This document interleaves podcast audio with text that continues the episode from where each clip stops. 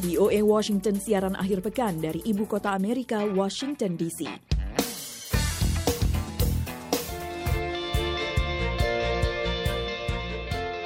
Dari VOA di Maryland, hey apa kabar? Have a nice weekend. Selamat berakhir pekan. Aryono Arifin apa kabar? Baik sekali Nurfiana Muftadi, gimanakah kabarnya? Masih uh, seneng-seneng aja sih mencoba untuk eh, sekarang kan kita udah menjalani kenormalan baru ya. Iya. Jadi uh, ya udah jalanin aja gitu. Untungnya sekarang sudah banyak kegiatan yang dibuka. Namun aku secara pribadi uh, keluarga itu masih merasa lebih aman kalau aktivitasnya di luar ruangan. Kamu Betul. merasa gitu juga nggak? Betul, betul. Mau kayak gimana pun juga, kumpul-kumpul ataupun juga mau pergi, belanja ataupun juga makan, saya terus terang lebih apa namanya, lebih tenang kalau misalnya berada di tempat yang ya kalau nggak terbuka ataupun juga outdoors gitu kan ya, em, mungkin yang ventilasinya diperhatikan. Karena dulu sempat saya sempat ngobrol nih dengan ada seorang eh, teman yang apa namanya, yang juga uh, sering bikin event, sering juga bikin apa namanya gathering kayak gitu. Sekarang nih sangat tricky banget dengan ya dengan kelaziman baru ini gitu loh, the new normal. Ini mereka mikir-mikir akhirnya mereka menemukan rumus yaitu VDJ? VDJ.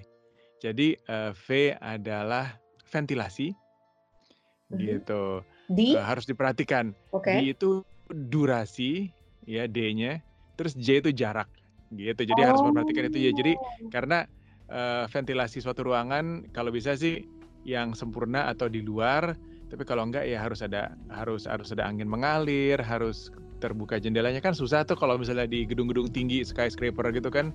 Mana bisa dibuka jendelanya kan di atas serem aja gitu loh. Tapi kalau misalnya bisa, ya itu dia.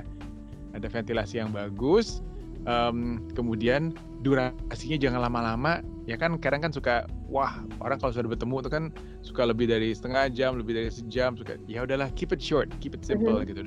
Durasi amat sangat penting dalam hal ini. Dan yang ketiga adalah jarak. Jadi harus memperhatikan jarak satu sama lain Iya. eh, benar-benar physical distancing gitu jangan deket-deket jangan ya nggak perlu kalau misalnya ketemu nggak perlu cipika-cipiki gitu yang penting yang penting harus eh, apa namanya aman aja jaraknya gitu Aman, ingat tadi VDJ.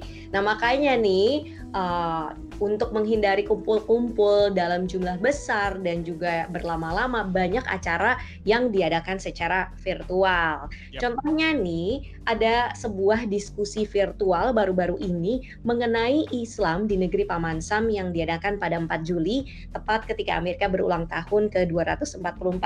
Ada Oh. dua pembicara dengan pengalaman berbeda tentang Amerika, mereka memaparkan penilaian masing-masing. Nah, ini menarik sekali. Langsung aja kita simak laporannya Karlina Amkas. Ketika negeri Paman Sam berulang tahun 4 Juli, program pembibitan penghafal Al-Quran PPPA ingin mencari tahu bagaimana Islam di sana. Lembaga dakwah di Indonesia itu mengundang dua pembicara, Hilman Fauzi dan Syamsi Ali dalam diskusi virtual akhir pekan lalu. Sering disebut Ustadz muda, Fauzi kerap menjadi penceramah dan pembawa acara keislaman di televisi. Ia mulai tinggal di Amerika tahun 2006 sebagai pelajar. 10 tahun kemudian ia kembali untuk bersafari dakwah berturut-turut tahun 2016 dan 2017. Ia mengatakan pengalaman belajar dan berdakwah di Amerika membekalinya rasa percaya diri untuk menghadapi tantangan apa pun dalam berdakwah. Di Amerika, Fauzi berdakwah untuk orang Indonesia.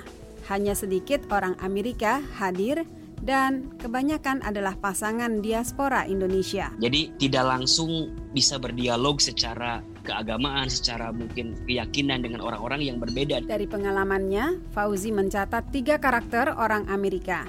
Pertama, sangat kritis. Sikap ini sempat menghentak Fauzi.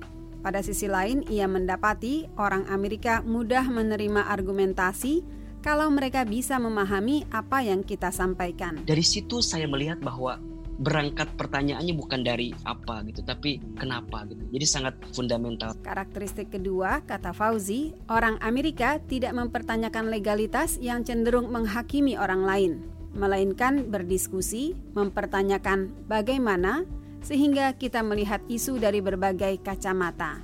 Menurut Fauzi, ini menyadarkan kita untuk tidak memaksakan satu penilaian kepada orang lain.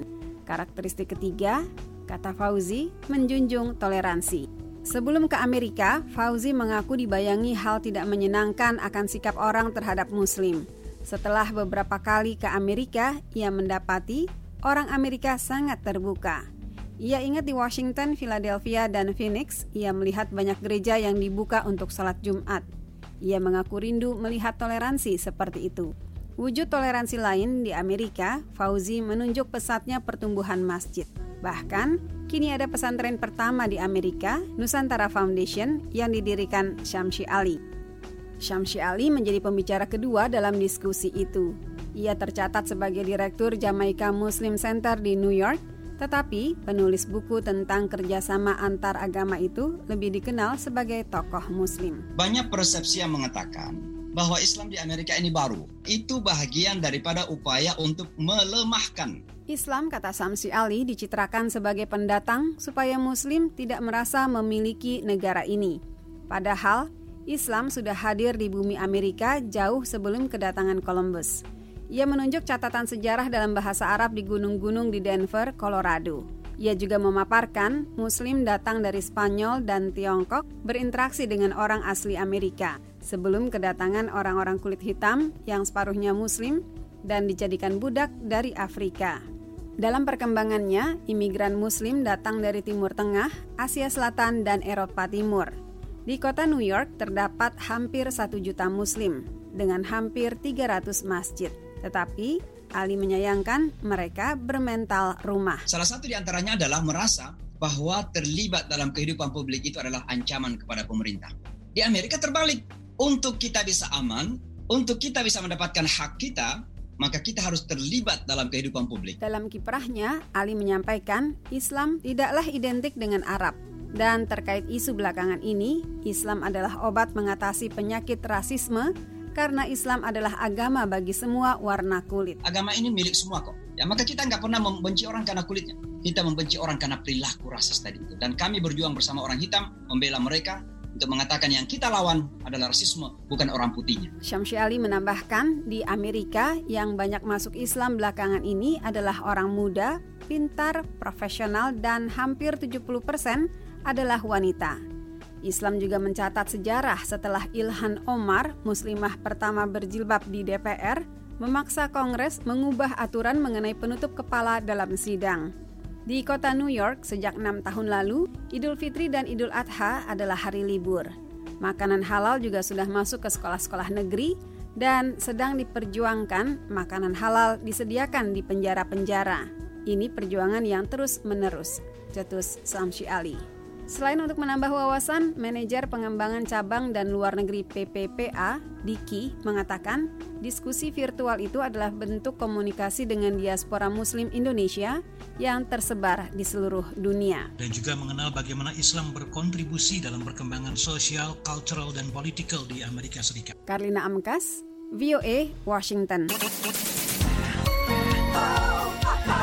Voice of America.